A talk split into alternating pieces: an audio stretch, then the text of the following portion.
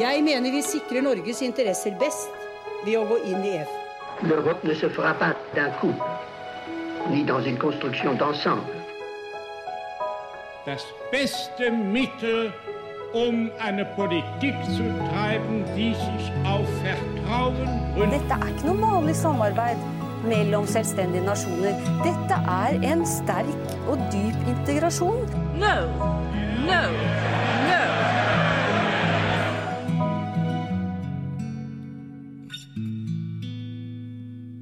Velkommen til Det europeiske kvarter, en podkast om europeisk politikk og historie med Lise Rye og meg, Kristine Granneng, på programmet for europastudier på NTNU.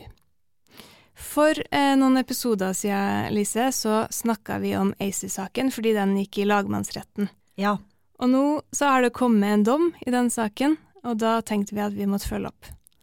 det må vi. For eh, dette her er jo et av de mest interessante europapolitiske spørsmålene i Norge i dag, tenker jeg. For eh, ja, hvis, eh, hvis Nei til EU ender opp med å få medhold i denne saken, så vil jo det måtte endre måten eh, Norge driver europapolitikk på.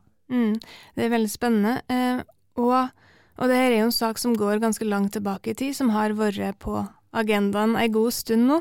Eh, det går jo tilbake til da Stortinget vedtok EUs tredje energimarkedspakke i, i 2018. Og på grunnlag av det, fordi de mente at feil prosedyre ble brukt i Stortinget, så har Nei til EU gått til søksmål mot staten. Det har de. Um, Nei til EU mener at um, denne uh, energipakken den burde ha vært behandla etter Grunnlovens paragraf 115, som krever tre fjerdedels flertall. For det er jo ulike prosedyrer Stortinget kan bruke, eller som, som hele apparatet kan bruke, når man skal ta inn regelverk fra EU. Og, og vi har jo to paragrafer i Grunnloven som, som handler om det her. Ja, vi vi har sagt, Den her 115. Ja, vi har det. Uh, vi, har, uh, vi har paragraf 115, som noen vil kjenne som den gamle, Grunnlovens gamle paragraf 93, og som sier at Norge kan avstå suverenitet på et saklig avgrensa område til en organisasjon som Norge er eller er i ferd med å slutte seg til. Men det vil kreve tre fjerdedels flertall. Denne paragrafen den er ikke mye brukt, den har vært brukt to ganger.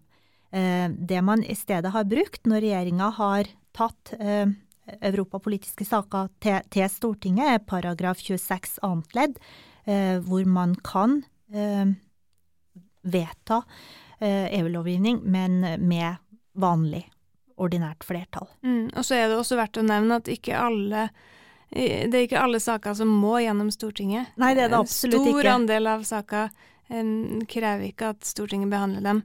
Em, men det handler jo om forskjellige ting som vi skal snakke om, om seinere i denne episoden.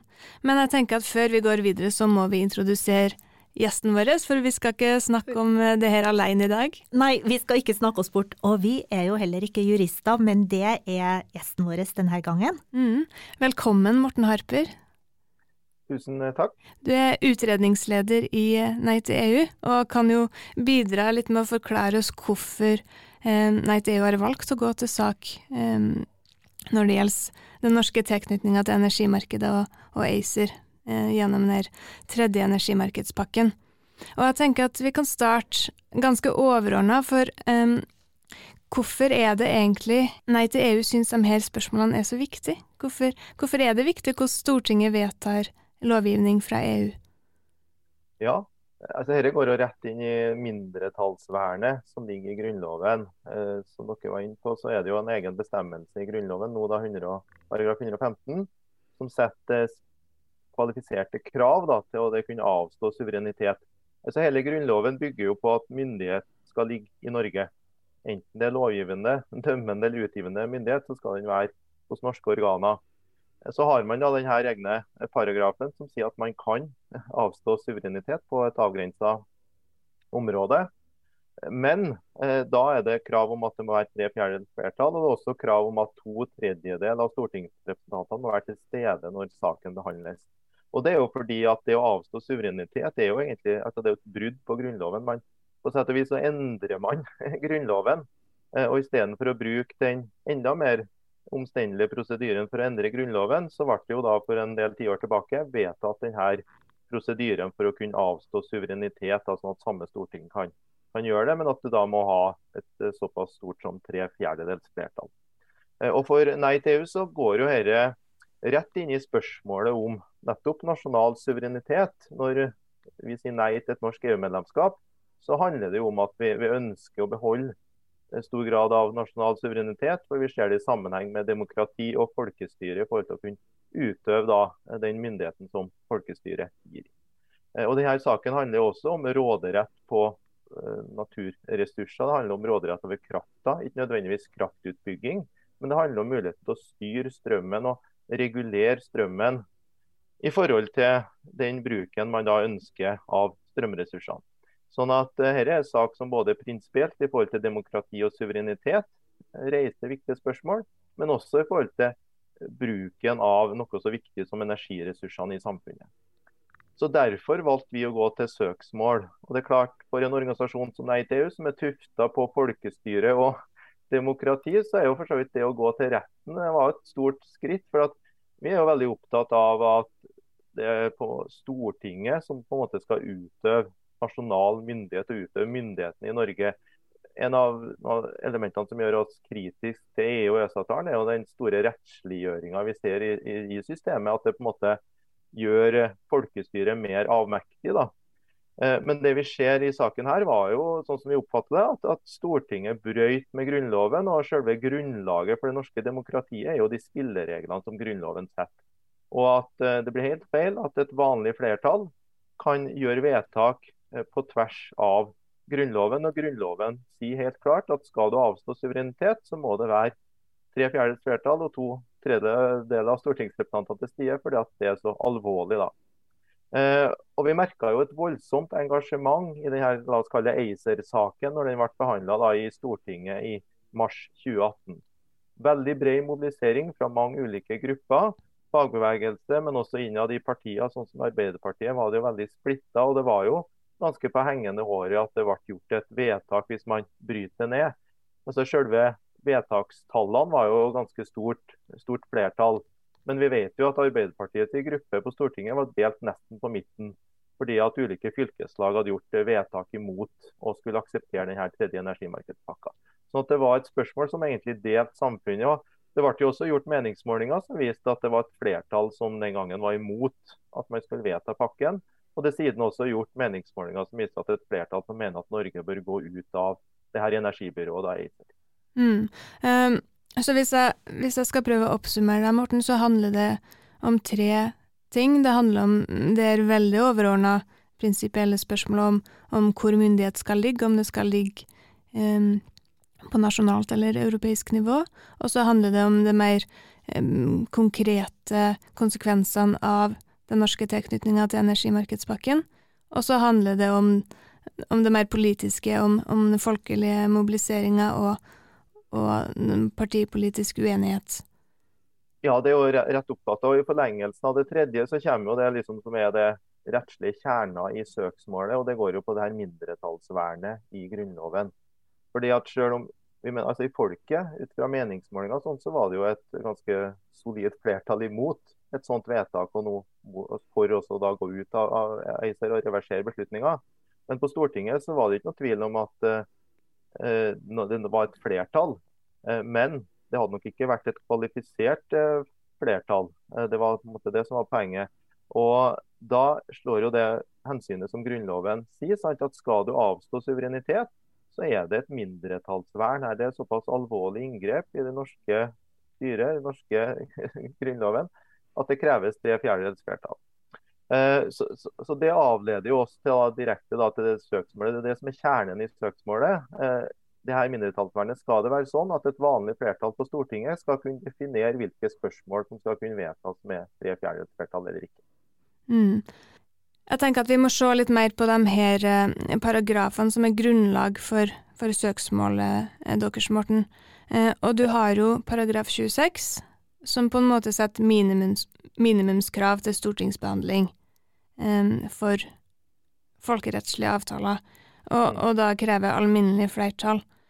Um, og, og, det har jo gått en diskusjon om hva som ligger i den paragrafen Ikke sant? Og da tenker jeg jo på denne læren om lite inngripende myndighet. Hva, hva handler det om? Altså, det er jo en, en lære, som du sier. Det er jo ikke noe som står i Grunnloven eller i en annen lovtekst. Det er jo noe som er utvikla dels juridisk teori gjennom Stortinget sin egen praksis. Men det er jo en lære som har vært omstridt. Eh, for noen år tilbake så har det vært en del fremtredende eh, jurister eh, som var ute og kritisert den på en helt grunnleggende måte og mente at den var en koloss på, på leirføtter, nær sagt. At det ikke var et, et, grunnlag i hele tatt for den læren at egentlig all suverenitetsavståelse, lite inngripende eller ikke, måtte følge 115 da, eller 93 som det het tidligere. Fordi at eh, det er det Grunnloven sitt system bygger på. Og nettopp fordi at det å avstå suverenitet er egentlig en grunnlovsendring. Og Derfor så er det viktig at man følger de her formelle prosedyrene som 115 setter, med, med, med, krav da, til kvalifisert flertall. Mm. Så man bruker, har... man bruker den hele læren om lite inngripende myndighet for å skille mellom paragraf 26 og 115, ikke sant? Det, det, er rett. Eh, men som sagt så har det vært strid i hele tatt om denne læren kan stå seg, om den på en måte kan begrunne en sånn differensiering. da. Eh, er det sånn at man egentlig bør bruke 115 på all type av myndighetsoverføring? Så Det har jo vært en diskusjon. Eh, så kan vi vel si at Etter at Høyesterett hadde en uttalelse om EUs fjerde jernbanepakke, det er jo mange pakker i EØS-retten, eh, så for det som skjedde der, var jo at Stortinget sjøl ba Høyesterett om en vurdering. For det kan man jo gjøre, det skjer jo uhyre sjelden. Men det kan man gjøre, og det gjorde man da i den saken. Og fikk da tilbake ikke en dom, men en betenkning fra Høyesterett som vurderte det spørsmålet om man kunne vedta EUs fjerde jernbanepakke etter paragraf 26-2. Det som kompliserte saken i tillegg der, var at i EUs fjerde jernbanepakke så handla det faktisk om å gi myndighet direkte til et EU-organ. Sånn at den hadde ikke kunnet blitt behandla etter 115 heller. Sånn at Hvis man ikke kunne bruke 26-2, sånn, så hadde man ikke kunnet behandla den sånn som det var frem til. Ja, for det er veldig interessant at det er, det er et skille der. Ja, for i, Når vi snakker på energiområdet, da, i eh, energipakke 3, så er det jo sånn at det er gitt myndighet via ESA, altså EØS-tilsynet ESA. Der har du, for jeg si litt om det, der har du jo en konstruksjon som sier at hvis det da er vedtak som da har direkte virkning for Norge, så skal de skrives av EU sitt energibyrå ACER. Og så skal det gå til ESA, da, som skal vedta det samme ordlyden men formelt så er det ESA som gjør vedtaket. Og Så sendes det vedtaket igjen da til eh, Reguleringsmyndigheten for energi, RME, i Norge, som skal effektuere vedtaket. Men RME er lovfesta, og det fremgår da av energipakke 3, en forpliktelse for Norge til å lovfeste at det, eh, RME skal være uavhengig av norske myndigheter. Så det vil si at norske, altså Energidepartementet kan ikke instruere RME på noen måte. De skal følge opp eh, EU sitt energiregelverk, og de skal gjennomføre vedtak som kommer på denne måten da, fra ACER via ESA til RME. Du Morten, du var jo inn på det at eh, denne læren om lite inngripende myndighet, den har, uh, den har vært praktisert lenge. Uh, vi, har jo, vi, har jo, andre eksempel på at Norge har avstått suverenitet. Uh, ikke bare til EU, men eh, til, FNs sikkerhetsråd f.eks., som kan treffe folkerettslig bindende vedtak til Den europeiske menneskerettighetsdomstolen osv. Eh, er det er er det noen forskjell på denne praksisen og den avståelsen av suverenitet til EU? Ja, nei, så Når man snakker om eh, avståelse av suverenitet, så blir den jo veldig sånn formell. da. Eh, og Da snakker man ikke om det som går på folkerettslige forpliktelser fra Norge, altså det som Norge som nasjon er forplikta til. for at Der har vi jo et bredt internasjonalt samarbeid på mange områder som skaper forpliktelser for Norge. Eh, men i denne diskusjonen så snakker vi jo om forpliktelser som medfører at det blir gjort vedtak som får direkte virkning virkning i Norge, altså som blir bindende enten for firma eller for borgere i Norge. På energiområdet, f.eks. Statnett, da, som eh, drifter eh, nettforbindelser i Norge. Der ser vi jo at vedtak fra ACER, altså EU sitt energibyrå, via EØS-tilsynet ESA, som da skal effektueres i Norge av denne reguleringsmyndigheten for energi, der kan det komme vedtak som blir direkte bindende i Norge for for eksempel, da, eller i praksis er mest aktuelt på Statnett når det gjelder nettforbindelser. Så Det er det som eh, gjør det litt annerledes her. At det er den, den formelle, direkte myndighetsoverføringa. Eh, og det er det som er, blir diskutert da i, i det her søksmålet også. Eh, men så er det klart at eh, hvis en ser bredere på det, så energimarkedspakke 3 også er jo en veldig bred suverenitetsavståelse egentlig i forhold til det som Norge blir folkerettslig forplikta til. tenker jeg, for det jo veldig, legger jo veldig store føringer på hva norsk energipolitikk kan være. Eh, men i det her spørsmålet så blir det jo liksom hva er det formelle, og hva er på en måte de rammene som ligger utafor. Eh, og da er det jo et litt sånn tankekors kanskje at blir det sånn at man blir for formalistisk, bør man kanskje mer også se litt på realitetene. Det er jo noe mm. som vi også har tatt opp i saken. Å se på en måte på de bindingene som man faktisk blir forplikta til. Ja. Eh, og kan man på en måte avgrense det til veldig sånn små litt sånn formelle spissfindigheter, eller bør man se en litt større sammenheng for konsekvensene her? Ja, det er akkurat det, det er ikke det. Det har vi snakka litt om tidligere, Kristine og jeg òg. For, for en ikke-jurist så høres det ut som at hvis du tar hver av de her sakene hver for seg, så, så vil det være så avgrensa, det vil være så teknisk, og så ja, det vil være lite inngripende.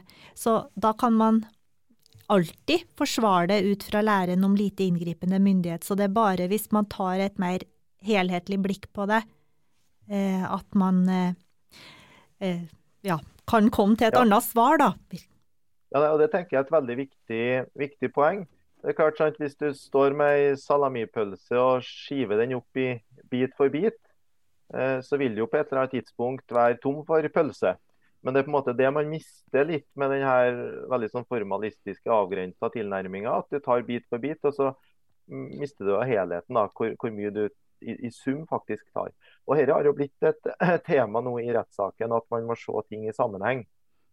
Ja, mm. dere, dere, jo, dere argumenterte vel da for at man burde se tredje energimarkedspakke i sammenheng med den fjerde energimarkedspakken, som jo er vedtatt i EU, og som gir enda mer eh, myndighet til ACER.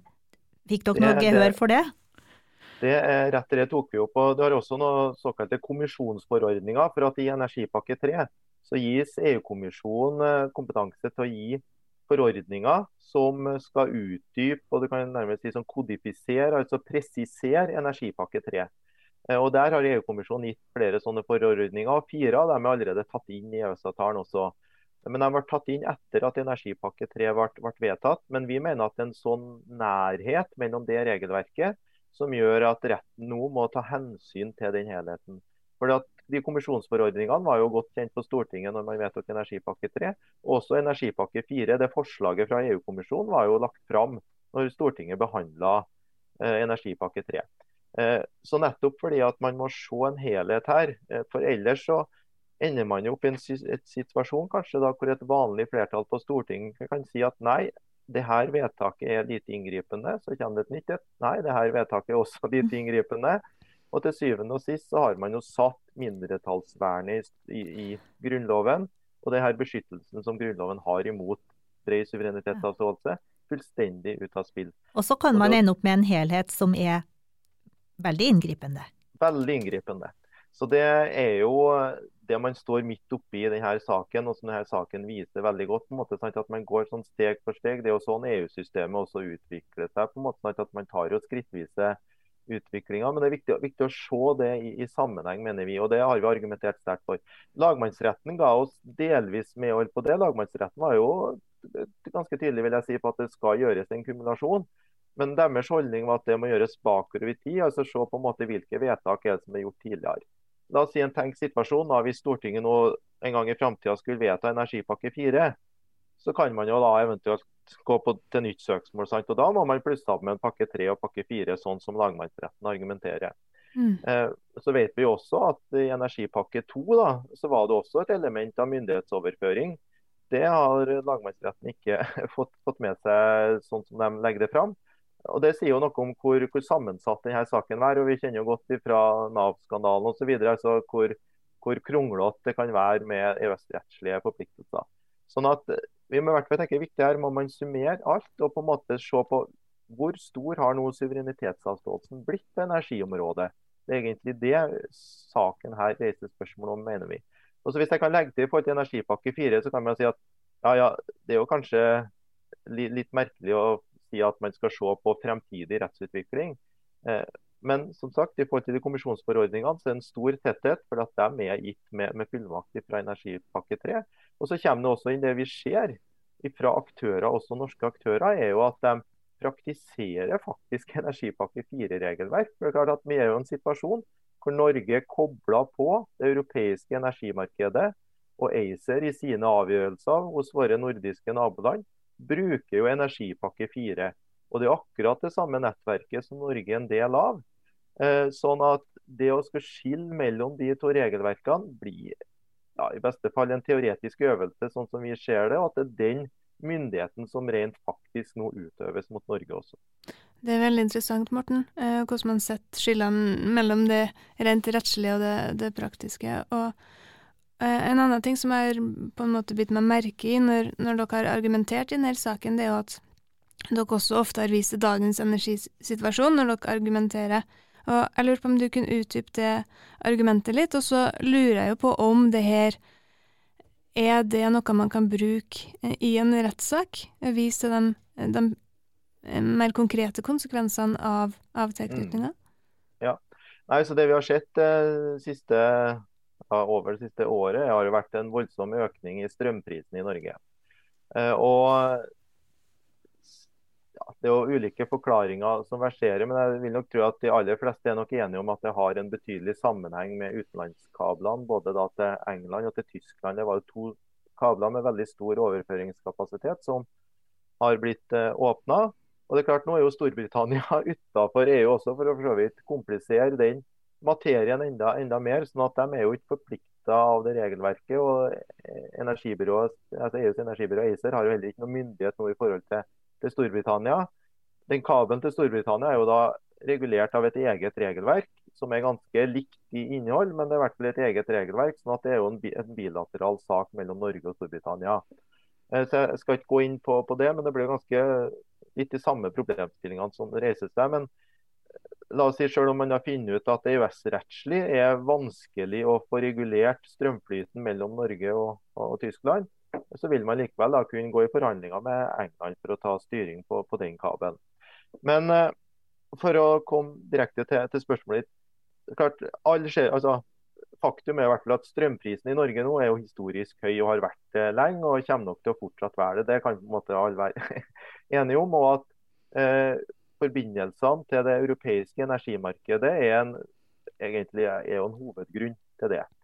Eh, og da blir jo spørsmålet hvilken rolle har det her energipakke 3, energipakke 4, ACER det her systemet oppi det. Eh, da sier vi klart at det, altså ACER sitter ikke og vedtar noen strømpris. Det er jo et åpent marked. det gjelder for så vidt, altså ACER omfatter ikke bare strøm, det omfatter jo gass også. Det er jo et åpent marked. Eh, men det er jo nettopp ACER som skal være det utøvende organet i forhold til å påse at markedsregelverket i EU på energi blir fulgt. Eh, og da setter ACER setter dels rammeverk, men også da påser at rammeverket føles. Og På den måten så har det betydning for strømpris i Norge. Et helt konkret eksempel. det har Foreløpig ikke kommet noen konkrete vedtak retta direkte mot Norge. Men vi kan se til Sverige, hvor det ganske nylig var en sak hvor, hvor svenskene, som også har betydelige utfordringer i eh, energisektoren sin, ønska å regulere krafteksporten mer. Og da er det sånn at en forskjell mellom energipakke 3 og energipakke 4. at I energipakke 4 så har EU satt et veldig sånn tallfesta mål på hvor mye som skal være markedsflyt i de her overføringskablene. Man sier at minst 70% av kapasiteten i en overføringsforbindelse skal være stilt til markedet. I energipakke 3 så er det mer generelt som sier at det skal være på en måte et åpent marked at man ikke skal ha restriksjoner. Men det er ikke noe sånn prosentmål som har blitt tallfesta. Men i energipakke 4 så er det tallfesta, og det var det 70 som Sverige ønska å avvike. De ønska å ha en mer restriktiv regulering. Og Det ble uenighet mellom regulatorene i, i, Norden. og Da gikk saken over til ACER. Og ACER gjorde da et vedtak som sa at Sverige ikke kunne innføre sånn restriksjon. Og Det er klart, det har jo betydning for strømpris i Sverige, som ett eksempel. Mm. Og det var jo Eh, og det- også en uttalelse fra RME tidligere i år som, som gikk nettopp på det, på det norske handlingsrommet eh, i Det har du helt, energimarkedet. eh, har du helt rett i at det er jo interessant at, eh, for at regjeringa jobber jo med en såkalt mekanisme. De har ikke lagt fram planene for det, men de har varsla at de skal komme med en mekanisme for å regulere krafteksporten for å sikre magasinfylling i Norge. Eh, Og I den prosessen så ble det jo stilt spørsmål da, til RME, Reguleringsmyndigheten for energi, hvordan de vurderer handlingsrommet. Men det er klart, der er det en litt sånn blanding av folkerettslige forpliktelser og myndighetsoverføring som vi er inne på. Eh, Sånn at det svaret er jo litt bredere i forhold til hva er på en måte det EØS-rettslige eh, rommet. da. Eh, Men det er også veldig sånn interessant. Det sier jo om hvor, hvor, hvor sterke føringer EØS egentlig setter for mulighetene til å regulere krafteksport. Og Det gjelder både energipakke 3 og det generelle regelverket i EØS, i og med at det er jo utgangspunktet forbudt med eksportrestriksjoner på varer, og strøm er jo en vare. Men du Morten, jeg syns det her er veldig interessant, på, også på et litt mer generelt plan. Jeg lurer på hvor Det er ikke sikkert du kan svare, men jeg spør likevel. Hvor utforska det norske handlingsrommet er her? Fordi at eh, dere henviser til Sverige, som har fått, eh, fått nei. Men eh, vi vet jo at i andre situasjoner så har Norge fått eh, aksept for å opprettholde ordninga så lenge begrunnelser er noe som eh, er akseptabel. Jeg tenker på f.eks. opprettholdelse av differensiert arbeidsgiveravgift i Nord-Norge. Kunne man se for seg at Norge ville kunne fått medhold i å holde tilbake energi, hvis argumentet f.eks. var at det handla om å opprettholde bosetting i nord, eller utvikle industri i en landsdel som er i ferd med å miste innbyggere?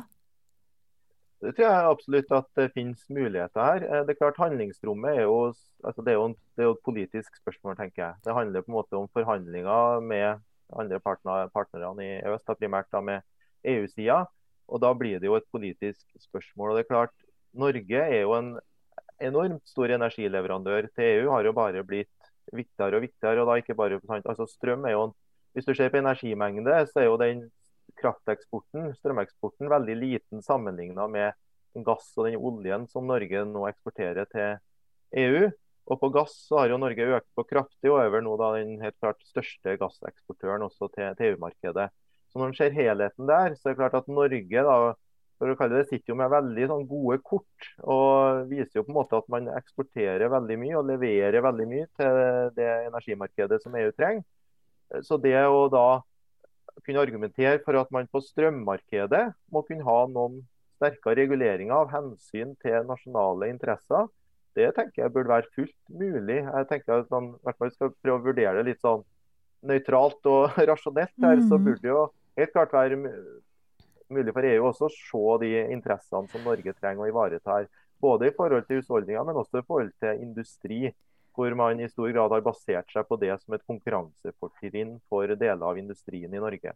Så det at det kan være altså det, Man skal jo aldri si det sikkert, men at det kan være et handlingsrom, tenker jeg.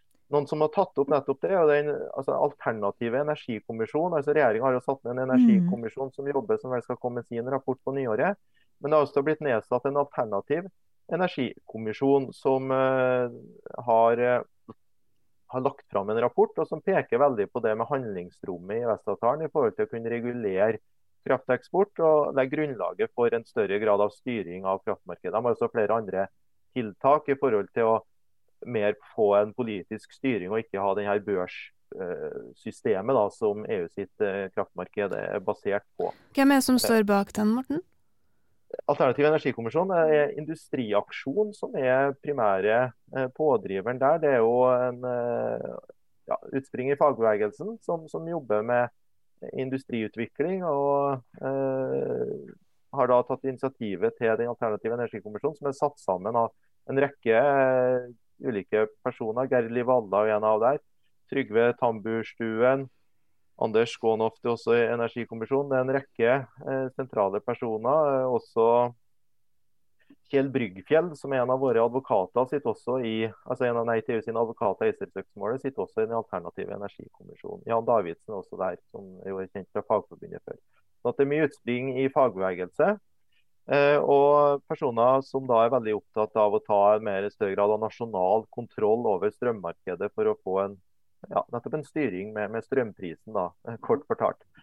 Eh, og En av deres innganger der er jo at når energipakke 3 ble vedtatt på, på Stortinget, så hadde flertallet en del forutsetninger eller en del hva skal jeg si, eh, vilkår som de la til grunn for sin forståelse av energipakke 3. Eh, og Det ble nedfelt da i en avtale mellom de partiene som utgjorde flertallet den gangen. Eh, og Det ble også oversendt EU da, i EØS-komiteen for å på en måte tydeliggjøre hva er norsk flertall i sin forståelse av energipakke 3. Og Den legger jo til grunn en eh, ganske betydelig, et betydelig nasjonalt handlingsrom da, i forhold til hvordan man forstår regelverket. Eh, så med, så klart, med en sånn forståelse av energipakke 3, så burde det absolutt være et handlingsrom. Det som er Problemet er jo at den avtalen mellom partiene på Stortinget er jo ikke noe rettslig bindende i EØS-sammenheng. Eh, det har jo for så vidt regjeringsadvokaten også bekrefta. Eh, sånn at eh, Det koker jo egentlig ned til et politisk spørsmål, det her. Eh, men da som sagt har jo Norge veldig gode argumenter på hånda for at vi burde kunne ta en annen type styring på strømmarkedet. Argumenterer dere i Nei til EU for at denne forståelsen også skal være en del av grunnlaget når man vurderer um, Stortinget sitt vedtak? Altså, Nei EU har jo et litt annet syn på hvor inngripende energipakke 3 er. Dette var på en måte alternativ energikommisjon som har lagt til grunn si, en sånn velvillig forståelse av handlingsrommet i, i energipakke 3 og i EØS-avtalen. På en måte tatt flertallet på ordet når man sier at for at dette var jo en vanskelig sak, ikke minst for Arbeiderpartiet. Eh, mange fylkeslag Arbeiderpartiet sa nei Det var vel over 100 Arbeiderpartiordførere signerte jo på et opprop som sa at man burde si nei til energipakke 3, for at de frykta nettopp for høye strømpriser osv. Så videre. sånn at eh, Det som da gjerne skjer i sånne situasjoner, er jo på en måte at de som skal prøve å få gjennom en beslutning, kommer med en del garantier. Det er jo en sånn klassisk eh, teknikk vi har sett i mange saker, at man garanterer at nei, nei, det er ikke så inngripende som dere hevder. Sant? Det visse forutsetninger her. Eh, og da skal man ta det på ordet, sant? så finnes det jo et stort handlingsrom her. Eh, men vi er jo, mener jo at det vi har sett, viser jo nettopp at kanskje handlingsrommet ikke er så stort likevel når det kommer til stykket. Men det er jo ikke dermed sagt at man ikke skal prøve det. Men det blir jo et politisk spørsmål som på sett og vis går på tvers av de rettslige føringene egentlig avtaleverket, mener vi er da. Og Det er jo de rettslige føringene som vi argumenterer for i rettssaken, og de ligger jo der. Ja. Men det er jo klart at politikken trumfer jo retten når det kommer til stykket. Det er klart sant, Gjennom EØS-komiteen så kan jo Norge gjøre forhandlinger med EU som egentlig går helt på tvers av regelverket, så lenge det er på en måte en politisk enighet mellom partene. Det mener vi er fullt mulig å gjøre. Så Det handler om politisk vilje og det handler om politisk tyngde fra norsk side, og da også mulighet til å få eh, en uh, imøtekommenhet fra EU-sida, tenker jeg, politisk sett. Men, men rettslig sett så mener vi helt klart at det her regelverket er veldig inngripende, både reelt og formelt. Og Det er jo også noe dere har tenkt å følge opp videre. fordi uh Eh, denne dommen kom jo 7.12., ikke sant? Det stemmer, den kom nå rett før jul, og eh, nå har jo Nei til sitt styre hatt Ja, et, Det skjedde jo veldig raskt etter at ja. dere gjorde et vedtak om å ta saken videre til Høyesterett. Ja, vi, vi, har jo fulgt denne prosessen nå lenge og gjort oss opp noen tanker for så vidt eh, før, før, dommen kom også, men vi måtte nå se dommen og lese nøye igjennom. og da, Etter at vi har gjort det, så tok nå styret en avgjørelse på at nei til å anke dommen videre da, til, til Høyesterett. Eh, og jeg kan jo bare ta inn i forhold til søksmålet, Det som er interessant, var jo at når vi gikk jo til sak allerede høsten 2018, var det vel. Eh, så det er jo lenge tilbake det også. Det var i november 2018 at vi stevna staten. Eh, det som først skjedde da, var jo at staten kom med påstand om at eh, saken måtte avvises. At vi ikke hadde rettslig interesse da, til å få fremma et sånt spørsmål for domstolene.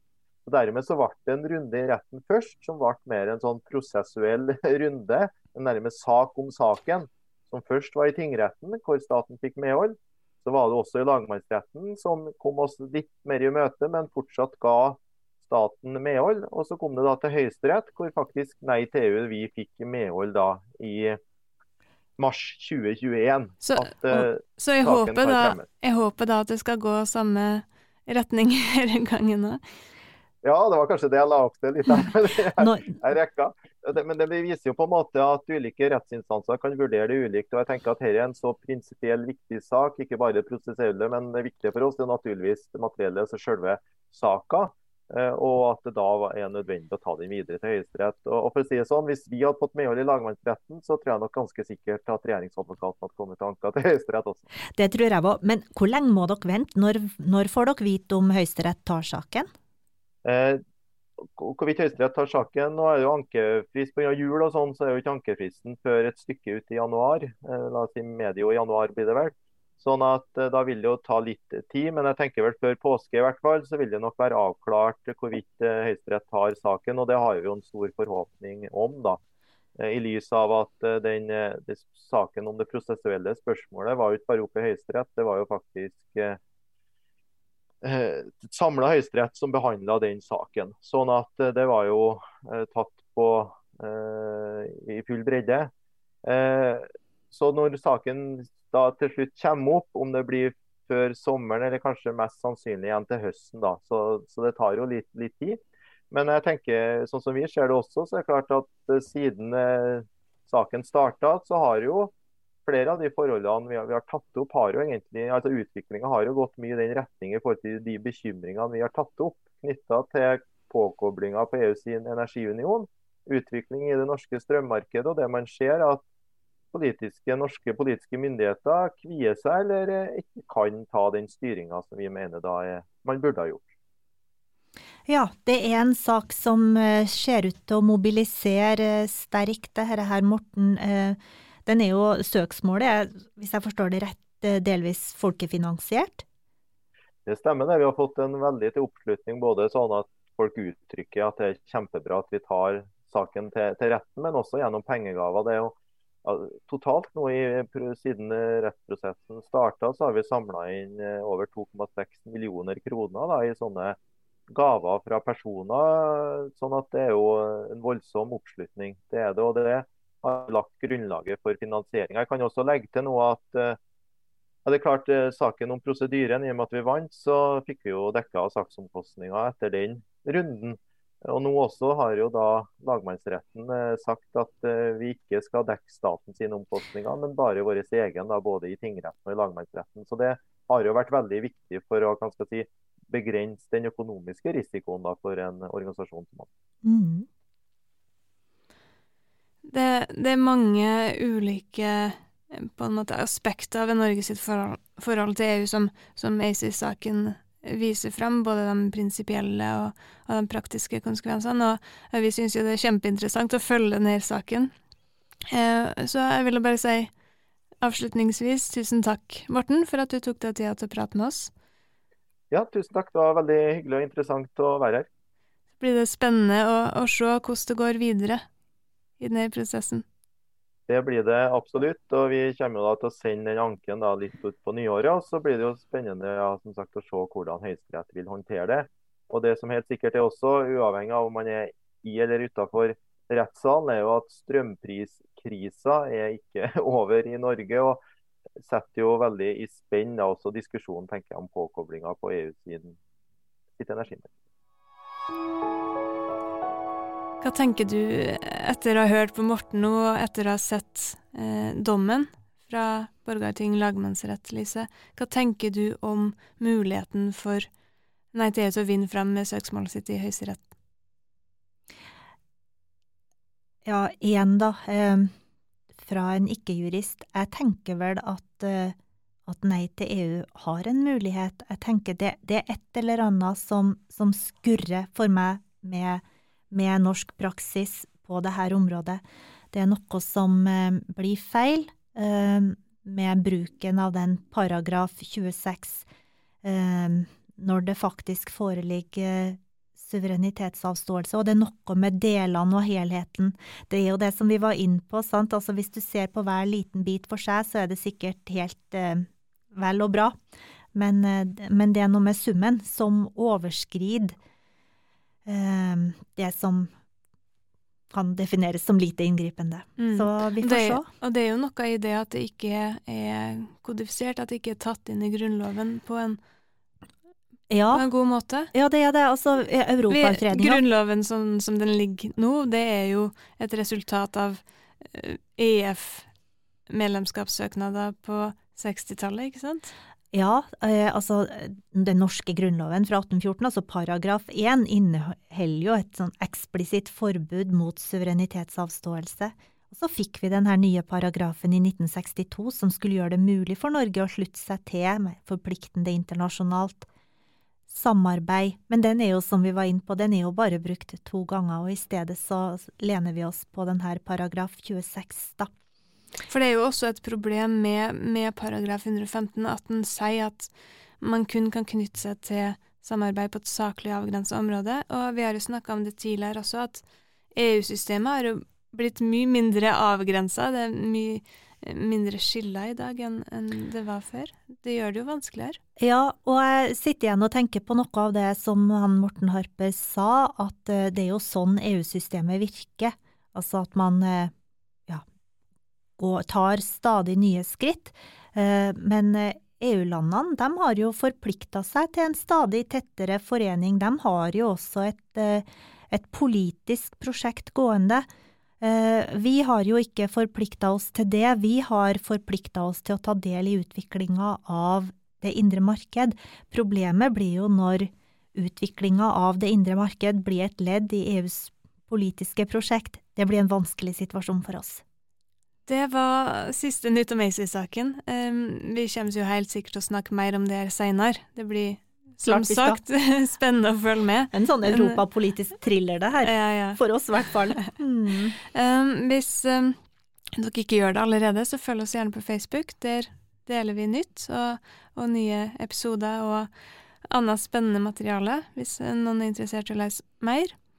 Og så har vi en artig nyhet å dele også, fordi like over jul, i slutten av januar, da skal vi ha en livepodkast på Litteraturhuset i Trondheim den 26. januar. Eh, Det kommer mer informasjon om det på Facebook og, og på Instagram etter hvert, så finn oss. Det europeiske kvarter heter vi på begge plasser.